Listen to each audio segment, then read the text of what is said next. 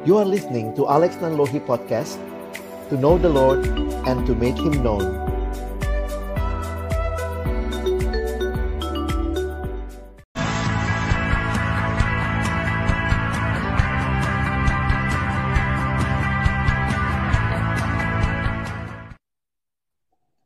Selamat malam rekan-rekan yang saya kasih dalam nama Tuhan Yesus. Kembali bersama dengan saya Fibu Timotius dari Bara Digital Ministry.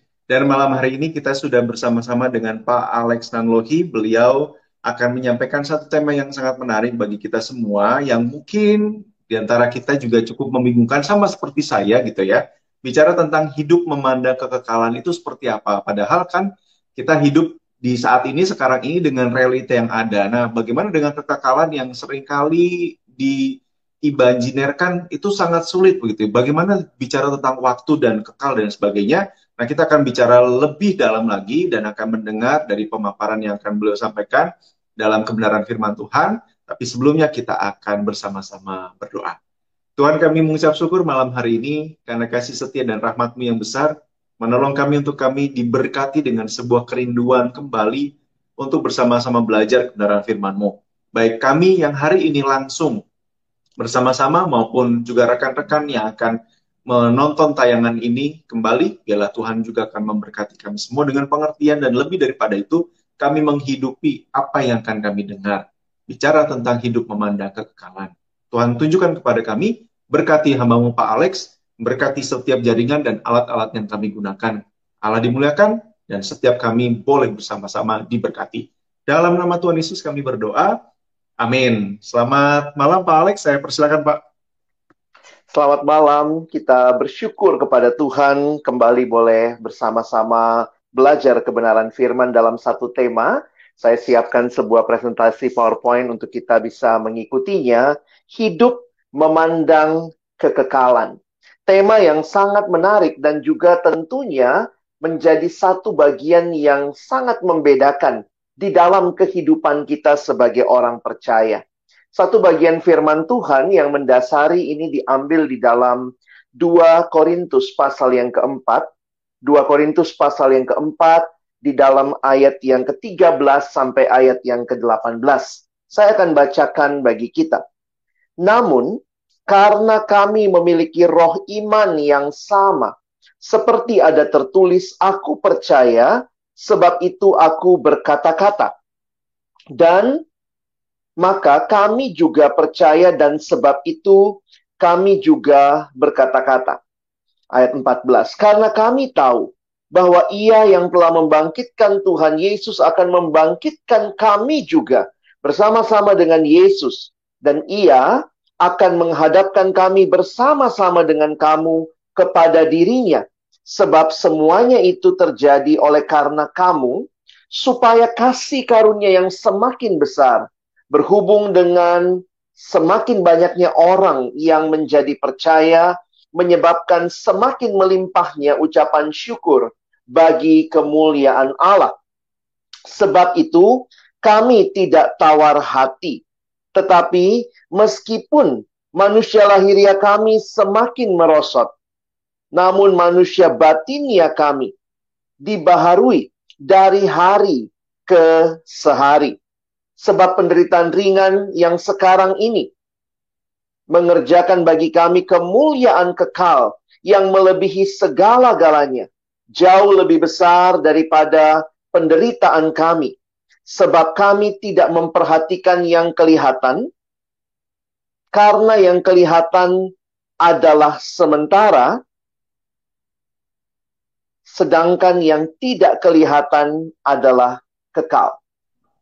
Saya coba mengulangi bagian ayat yang ke-18 sehingga kita bisa melihat bersama-sama dikatakan sebab kami tidak memperhatikan yang kelihatan melainkan yang tidak kelihatan karena yang kelihatan adalah sementara sedangkan yang tidak kelihatan adalah kekal.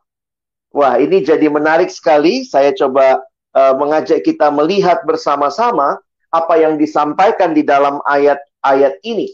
Nah, kalau kita memperhatikan bahwa di dalam kehidupan beriman kita ada hal yang menarik untuk kita pahami bersama-sama. Bahwa ada hal yang biasanya menjadi sesuatu yang diharapkan oleh seseorang. Apa yang mungkin dia inginkan di depan. Ketika misalnya ada anak yang bersekolah, pengennya segera libur supaya bisa pergi jalan-jalan. Atau mungkin ini sudah hampir Natal, maka ada keinginan untuk mendapatkan kado misalnya. Nah, yang menarik adalah apa yang kita harapkan itu itu bisa menjadi motivasi yang besar bagi kita untuk mencapainya. Saya menuliskan ada satu kalimat dalam bahasa Inggris mengatakan what we look forward. Apa yang kita inginkan di, di depan itu can be a powerful motivation. Itu bisa menjadi satu motivasi yang sangat powerful, sangat membawa semangat, membakar semangat dan itu mempengaruhi kehidupan kita saat ini. Nah, ini yang menarik di dalam kehidupan beriman kita, bahwa ketika kita berbicara tentang hidup yang kekal, itu menjadi satu hal yang Tuhan janjikan bagi setiap kita anak-anaknya. Seperti apakah kehidupan yang kekal itu? Tidak ada dari kita yang bisa membayangkan karena kita belum mengalaminya, tetapi kita bisa mempelajari dari apa yang firman Tuhan sampaikan bahwa ini adalah kehidupan yang kekal yang dibawa melalui karya Kristus yang membawa kita manusia yang tadinya di dalam dosa boleh bersekutu dengan Allah selama-lamanya. Jadi menarik sekali dalam bacaan yang kita baru saja baca di 2 Korintus 4, Paulus melihat akhir dari kehidupannya adalah kehidupan yang kekal bersama dengan Kristus selama-lamanya. Wow, ini satu kehidupan yang sungguh indah dan menjadi pengharapan bagi anak-anak Tuhan. Perhatikan di dalam ayat yang ke-14. Ada kata yang digunakan karena kami tahu. Jadi ada sebuah keyakinan dan ini diperoleh karena apa yang terjadi di dalam karya Kristus. Bapak Ibu Saudara bisa memperhatikan dituliskan karena kami tahu bahwa ia yang telah membangkitkan Tuhan Yesus akan membangkitkan kami juga bersama-sama dengan Yesus dan ia akan menghadapkan kami bersama-sama dengan kamu kepada dirinya. Bagi kita orang-orang percaya, apa yang menjadi poin penting dalam pengharapan kita adalah apa yang telah dicapai melalui karya Kristus. Perhatikan di dalam satu Petrus pasal pertama, ayat yang ketiga. Di dalam ayat ini Rasul Petrus memuji Allah. Dikatakan terpujilah Allah dan Bapa Tuhan kita Yesus Kristus yang karena rahmatnya yang besar telah melahirkan kita kembali oleh kebangkitan Yesus Kristus dari antara orang mati kepada suatu hidup yang penuh pengharapan. Jadi kalau kita membayangkan seperti ini, Bapak Ibu Saudara, siklus hidup manusia itu lahir, hidup, mati. Itu saja siklusnya. Lahir, hidup, mati. Tetapi Kristus yang bangkit membawa kita melihat bahwa ada yang lebih daripada sekadar kematian. Maka bagi orang yang percaya, kita mengalami karya Kristus yang bangkit itu. Sehingga siklus hidup tidak hanya lahir, hidup, mati tetapi lahir, hidup, mati, dan bangkit. Kebangkitan Kristus menjadi satu penanda bagi kita bahwa sungguh apa yang Dia lakukan bagi kita itu membawa pengharapan. Kita bisa percaya we have a living hope because we have a living Savior. Seringkali kita bernyanyi pada waktu Paskah ada pujian yang berkata, sebab dia hidup. Ada hari esok. Wah, sebab dia hidup. Ada hari esok. Sehingga kalau kita melihat apa yang Paulus sampaikan di dalam ayat-ayat yang kita baca tadi, mengapa Paulus bisa berkata kami tidak tawar hati di ayat 16? Bahkan dia menghadapi penderitaan di ayat 17. Dikatakan sebab penderitaan ringan yang sekarang ini. Ternyata perspektif kekekalan membawa Paulus melihat jauh lebih daripada sekadar realita yang dia sedang alami. Bapak Ibu Saudara yang dikasihi Tuhan, memiliki iman kepada Yesus yang bangkit, yang membawa kita masuk dalam kehidupan kekal. Itu bukan hanya sesuatu yang kita alami nanti, tetapi perhatikan, hidup memandang kekekalan itu itu juga berdampak sejak saat ini. Saya kasih contoh seperti ini ya. Memang pengharapan itu unik sekali saudara. Contohnya ada orang tua misalnya yang bilang sama anaknya, nanti kalau kamu belajar dengan baik, nilaimu bagus, naik kelas, wow, kita jalan-jalan misalnya ke Singapura, misalnya seperti itu. Maka ketika anak itu sedang belajar, dia berjuang belajar dengan baik, maka dia punya pengharapan bahwa orang tuanya menjanjikan akan ke Singapura. Nah, pertanyaannya sudah ke Singapura belum? Mungkin waktu dia lagi kerjakan PR, aduh susah sekali PR ini, aduh mau nyerah, mau nyerah. Tetapi kemudian dia ingat lagi akan ke Singapura. Maka apa yang menjadi pengharapan itu bukan hanya akan kita peroleh nanti, tetapi bahkan memberikan semangat bagi kita sejak hari ini, karena memandang kekekalan membuat kita mengerti bahwa hidup kita adalah sebuah hidup yang berarti, yang kita sedang perjuangkan, dan kita pasti akan mendapatkan apa yang Tuhan janjikan.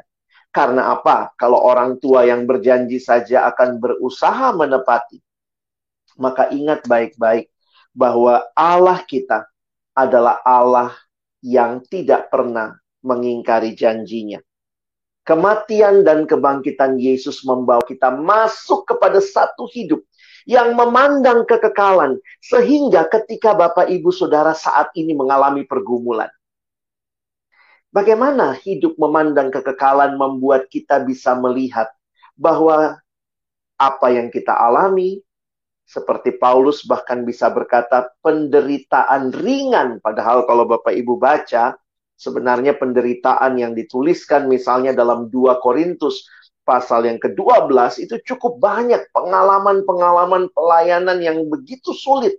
Tetapi karena dia memandang kekekalan, dia bisa berkata penderitaan ringan yang kami alami sekarang. Itu tidak sebanding dengan kemuliaan kekal yang akan diterima. Dan ayat 18 tadi berkata, sebab kami tidak memperhatikan yang kelihatan, melainkan yang tidak kelihatan. Karena yang kelihatan adalah sementara, sedangkan yang tidak kelihatan adalah kekal. Bapak, Ibu, Saudara yang dikasihi Tuhan, ketika kita bergumul dengan kondisi saat ini, misalnya ada sakit penyakit, ada pergumulan, kesulitan kehidupan, maka kita sadar bahwa ini tidaklah akhir cerita dari setiap kita. Tetapi kita melihat Tuhan menjanjikan kehidupan yang kekal bersama Dia selama-lamanya. Sebuah kehidupan yang digambarkan tidak ada lagi air mata, tidak ada lagi duka cita, tetapi hidup yang akan membuat kita menikmati kehadiran Allah yang penuh selama-lamanya. Jadi bagaimana memandang kekekalan ini? Saya pikir kita harus punya juga sikap yang seimbang. Satu sisi jangan kemudian kita jadi melupakan tanggung jawab kita sekarang. Oh, pokoknya hidup kekal, hidup kekal ya sekarang jadi malas, tidak berjuang. Saya pikir tidak seperti itu. Memandang kekekalan tidak membuat kita jadi malas saat ini untuk tidak berjuang. Tetapi memandang kekekalan membuat kita juga bisa berjuang, bertahan dalam situasi yang paling sulit. Dan ini membuat kita menyadari seperti sebuah kalimat bijaksana berkata demikian. Hidup kita saat ini adalah hidup yang baik. Tetapi hidup yang terbaik akan diberikan Tuhan ketika dia datang kedua kali. Our present life is a good blessing from God. But the best is yet to come. Sehingga Bapak Ibu Saudara yang dikasihi Tuhan, cara pandang kita hidup sekarang memandang kekekalan membuat kita juga tidak melihat segala sesuatu yang ada menjadi milik kita, lalu kemudian kita genggam erat-erat. Saya pikir kita harus belajar untuk menerima yang baik dari Tuhan, tetapi juga ketika Tuhan mengatakan maaf, sudah selesai waktunya, maka kita pun belajar menyerahkan kepada Tuhan. Saya mencoba memahami ya, bahwa sering kali kita menerima sesuatu dari Tuhan itu dengan tangan tergenggam. Sehingga kita berkata, Tuhan ini punya saya. Tapi kalau kita menghayati perspektif kekekalan, sebenarnya itu cuma dipinjamkan Tuhan. Karena itu jangan kita genggam, tetapi ada yang mengatakan, belajarlah menerima segala sesuatu dari Tuhan dengan tangan yang terbuka. Maksudnya ketika Tuhan mengatakan, ini untukmu, kita terima. Terima kasih Tuhan. Dan kalau Tuhan ambil, maaf, sudah selesai pakainya. Kita pun berkata, terpujilah Tuhan. Mungkin Bapak Ibu ada yang sedang mengalami pergumulan, duka cita, kesulitan hidup. Tetapi hari ini kita melihat kepada perspektif kekekalan bahwa kita akan bersama Tuhan selama-lamanya. Sehingga mari kita bertahan menghadapi pergumulan hidup. Tuhan tidak janji hidup akan mudah. Tetapi Tuhan janji dia akan menyertai kita melewati berbagai perjuangan hidup. Dan kekekalan membuat kita sadar yang ada saat ini bukanlah segala-galanya. Ini cuma sementara. Karena itu kita pun juga mengarahkan mata kita untuk terus mengikut Tuhan belajar untuk memberikan nilai yang tepat kepada pekerjaan Tuhan, belajar untuk memberi nilai yang tepat kepada perjuangan kehidupan rohani kita. Ada orang yang berkata, semua kita siapkan diri untuk misalnya studi biar jadi orang yang bisa berguna. Tetapi berapa banyak dari kita yang menyiapkan diri untuk kekekalan? Itu masa depan kita bersama Tuhan. Maka mulai baca Alkitab dari sekarang. Itu akan kita nikmati dalam kekekalan. Mulai hidup dengan baik, dengan jujur. Itu kehidupan yang akan Tuhan berikan di dalam kekekalan bersama dengan dia. Jadi kita tidak hanya mati-matian untuk hidup yang sementara. Tapi kita berjuang untuk juga hidup di dalam apa yang Tuhan kehendaki. Kiranya Tuhan menolong kita. Terus berjuang menikmati hidup dalam kekekalan. Baik, baik. Wah, terima kasih sekali Pak Alex malam hari ini luar biasa ya berkaitan dengan ya. dan saya berpikir di 20 menit ini sangat-sangat jelas bagi kita semua berkaitan dengan hidup memandang kekekalan yang tadi Pak Alex sampaikan. Nah, tetapi ada beberapa pertanyaan nih Pak. Yang pertama ini ya. pertanyaan ya. dari saudari kita di Dea Adelia Pak, tadi kan ini bicara konteksnya di 2 Korintus pasal 4 itu kan ada hmm. penulisnya Paulus begitu ya, tapi ada kata Betul. kami, kami, nah yang disebut atau kali kami itu di kalimat itu siapa sih Pak begitu? Pertanyaannya begitu. Iya, tentunya secara sederhana kita bisa lihat di bagian awal surat ini juga ini adalah Paulus dan timnya. Jadi kami ini adalah Paulus dan tim pelayanannya yang sedang uh, menyurati ya jemaat di Korintus. Jadi mungkin itu. Jadi timnya Paulus juga mereka melayani bersama-sama dan mereka mengalami itu ya pergumulan pelayanan dan akhirnya ya perspektif Selamat. kekekalan itu membuat mereka untuk terus maju. Ya, baik. Terima kasih. Terima kasih buat pertanyaannya. Ini juga menolong kita supaya kita ya. bisa terus ya. Tadi Pak Alex sampaikan belajar membaca Alkitab setiap hari jadi kita semakin semakin lebih lengkap untuk melihat Betul. bagian ini. Terima kasih. Ini cara cara sederhana yang tadi Pak Alex sampaikan berarti melihat konteks atau latar belakang uh, di bagian yeah. ini. Terima kasih Pak. Nah, berkaitan dengan tadi Pak, ini ada satu pertanyaan begini Pak. Tadi kan Pak Alex memberi satu gambaran bahwa kalau ada anak yang dijanjikan untuk eh, dapat hadiah berlibur di Singapura, lalu dia harus mengerjakan sesuatu. Nah, apakah kaitannya dengan kekristenan kita, Pak? Berkaitan dengan apakah kita mengerjakan sesuatu lalu kita mendapat sesuatu itu dari Tuhan atau uh, bagaimana, Pak? Hmm. Nah, ini yang menarik bahwa uh, pengharapan kita kalau kita baca di dalam satu Petrus pasal yang pertama tadi di bagian bawahnya lagi adalah sesuatu yang Tuhan janjikan yang tidak binasa, tidak dapat layu, yang kekal. Maka itu berbicara ya, inilah kalau kita bicara secara umum ya hidup yang kekal. Hidup yang kekal itu bukanlah upah yang kita dapatkan karena kita melakukan sesuatu. Tetapi itu adalah upah atau itu adalah uh, apa yang Tuhan berikan karena kita percaya kepada Kristus. Makanya ingat Yohanes 3:16 ya. Karena begitu besar kasih Allah akan dunia ini sehingga ia telah mengorbankan yang tunggal supaya setiap orang yang percaya kepadanya tidak binasa, melainkan beroleh hidup yang kekal. Jadi kita tidak melihat hidup kekal sebagai sebuah uh, apa ya pencapaian karena kita melakukan sesuatu bagi orang Kristen, hidup yang kekal bukan apa yang saya lakukan, tetapi apa yang Kristus telah lakukan bagi kita.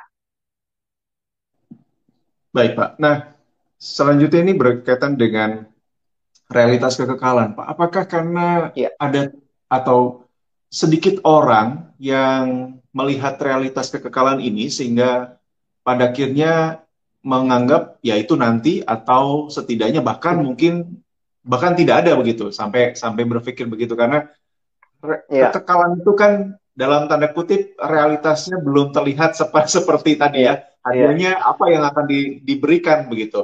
Nah, hmm. apakah itu yang menjadi salah satu pemicu bagaimana orang akhirnya dalam tanda kutip hidup ya semaunya saya atau ya ini berkaitan dengan ya. tadi ya semua adalah milik saya gitu Pak. Hmm.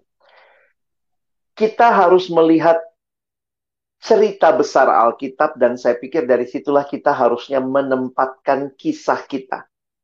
Seringkali kita merasa begini ya, tanpa sadar bahwa ini kisah saya, lalu minta Tuhan ayo dong berkati hidup saya, kisah hidup saya. Tapi sebenarnya kalau kita melihat secara umum, membaca Alkitab dari depan sampai belakang, ternyata kita tahu bahwa yang menciptakan dunia ini, Allah yang menciptakan dunia ini, Allah yang punya cerita. Dan sebenarnya Allah yang mengundang kita dalam ceritanya. Jadi jangan terbalik ya. Bukan kita yang mengundang Allah dalam cerita kita, tapi dia yang mengundang kita dalam ceritanya sehingga kita mesti tahu bahwa ceritanya itu bahwa ternyata tidak selesai dengan kematian. Tetapi kisahnya Allah sampai di kitab Wahyu ada tentang kehidupan yang kekal. Dan karena itu kalau ditanya, memang orang Kristen semuanya kita dasarkan pada firman Tuhan. Dari mana tahu Yesus mengasihiku? The Bible tells me so. Dari mana saya tahu ada hidup yang kekal? Janjinya seperti apa? Meskipun sangat abstrak, tapi kita pegang janji Tuhan, kita akan bersama dengan Kristus selama-lamanya di dalam kekekalan. Nah, mungkin kita jangan spekulasi ya, karena sekarang banyak yang spekulasi nanti akan seperti ini, gitu ya Pak ya. Jadi kadang-kadang kita jadi spekulasi. Lebih baik kita pegang saja bahwa kehadiran Tuhan bersama hmm. dengan umatnya selama-lamanya, itulah hidup kekal yang kita hmm. akan alami. Amin, amin. Ya, setuju Pak. Karena bahkan bukan spekulasi sendiri, tapi eh, menggambarkan atau membayangkan pengertian seperti apa yang diinginkan begitu ya. Iya betul betul. Macam-macam penggambarannya. betul. Berkaitan itu kan karena begini Pak, perspektif orang kan bisa saja ketika ya. di, dipengaruhi daripada memandang defin, mendefinisikan berkat hmm. itu apa begitu ya. Lalu mukjizat hmm. itu apa? Karena mungkin dari situ akhirnya tadi eh, berkat adalah sesuatu yang baik ya. Tadi Pak Pak Alex juga sampaikan ya kalau itu adalah dari Tuhan titipan itu yang mungkin sering kali terlupa yeah. karena ini ada satu satu kisah dari Ibu Lin atau saudari Ibu Lin. Pergumulan yeah. saya, anak menge mengecewakan saya, uh, tidak sesuai dengan saya harapkan. Rasanya berat sekali untuk melepaskan Pak. yang menguatkan saya bahwa apa yang terjadi di kehidupan kita adalah yang terbaik bagi Allah. Wah, terima kasih untuk hmm. uh, Ibu Lin. Ya.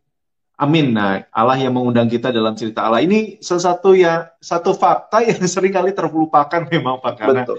karena sering kali ya betul ya Alkitab adalah cerita tentang Allah yang mengundang kita bukan sebaliknya. Wah, ini terima kasih ya. sekali Pak Alex luar biasa. Nah, Sama-sama. ini ada satu pertanyaan lagi Pak. Ada beberapa sebenarnya nanti. Iya, silakan Pak. Saya coba sampaikan ya. Uh, ketika bicara tadi mungkin dalam kehidupan kita ada duka cita, ada kelesuan, ada iya. Ada sesuatu yang tidak enak lah gitu ya. Lalu rasanya tadi kan waduh mau menyerah. Nah, bagaimana tetap menjadi pribadi yang berani atau siap dan tetap memegang janji Tuhan, Pak. Hmm. Meskipun mungkin dalam tanda kutip kita yang mikir bahwa janji itu agak meleset padahal memang tetap disediakan. Kan sering kali yang terjadi begitu. Iya, iya.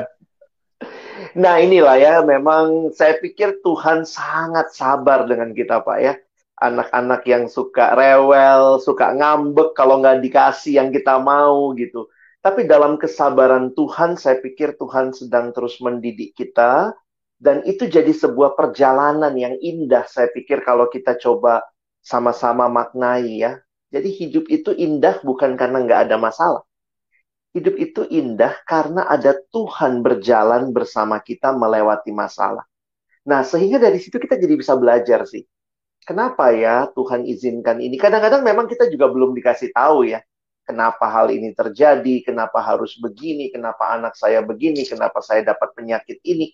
Tapi Tuhan janjikan penyertaannya dan bagi saya itu satu hal yang perlu uh, terus kita pegang. Nah, ini kalau tadi uh, Pak Febi nanya gimana ya membangun hidup seperti itu, memang kuncinya adalah relasi kita dengan Tuhan.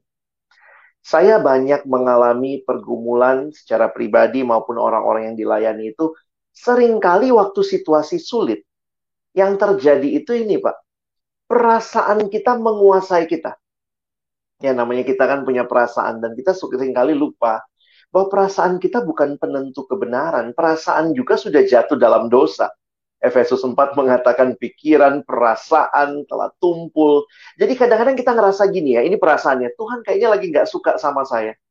Tuhan ini lagi nggak hukum saya. Atau bahkan ada yang sampai berkata, Tuhan udah ninggalin saya. Kenapa? Aku ngerasanya seperti itu. Nah, kalau iman kita didasarkan perasaan, ya mungkin lagu kita gini ya, aku jauh, engkau jauh, aku dekat, engkau dekat. Itu bukan iman Kristen Iman Kristen adalah Tuhan tetap dekat, Tuhan tetap menyertai meskipun kita merasakan jauh. Karena itu jangan jangan memegang perasaan kita sebagai kebenaran, peganglah firman Tuhan. Kalau Bapak Ibu Saudara saat ini sedang merasa Tuhan jauh, merasa Tuhan tidak dekat, coba baca Alkitab. Ada nggak ayat seperti itu? Tapi kalau ayatnya adalah Tuhan dekat kepada orang-orang yang patah hati, mereka yang sedang bergumul, maka pegang itu. Itu janji Tuhan dan saya pikir memang ya hidup ini harus dibangun dengan iman yang didasarkan pada firman Tuhan. Iman timbul dari pendengaran akan firman Tuhan. Jadi jangan diisi dengan sinetron saja. Nanti imannya iman sinetron ya, yang perasaannya bisa gonta-ganti ya. Tuhan kita nggak gitu. Baik, baik. Wah, Luar biasa Pak, Pak Alex malam hari ini. Hidup itu indah bukan karena tidak ada masalah, tapi karena ada Tuhan yang ya. menolong kita dalam setiap masalah. luar biasa. Nah ini pertanyaan terakhir Pak. Uh, pertanyaan praktis uh, di malam hari ini, karena keterbatasan waktu kita.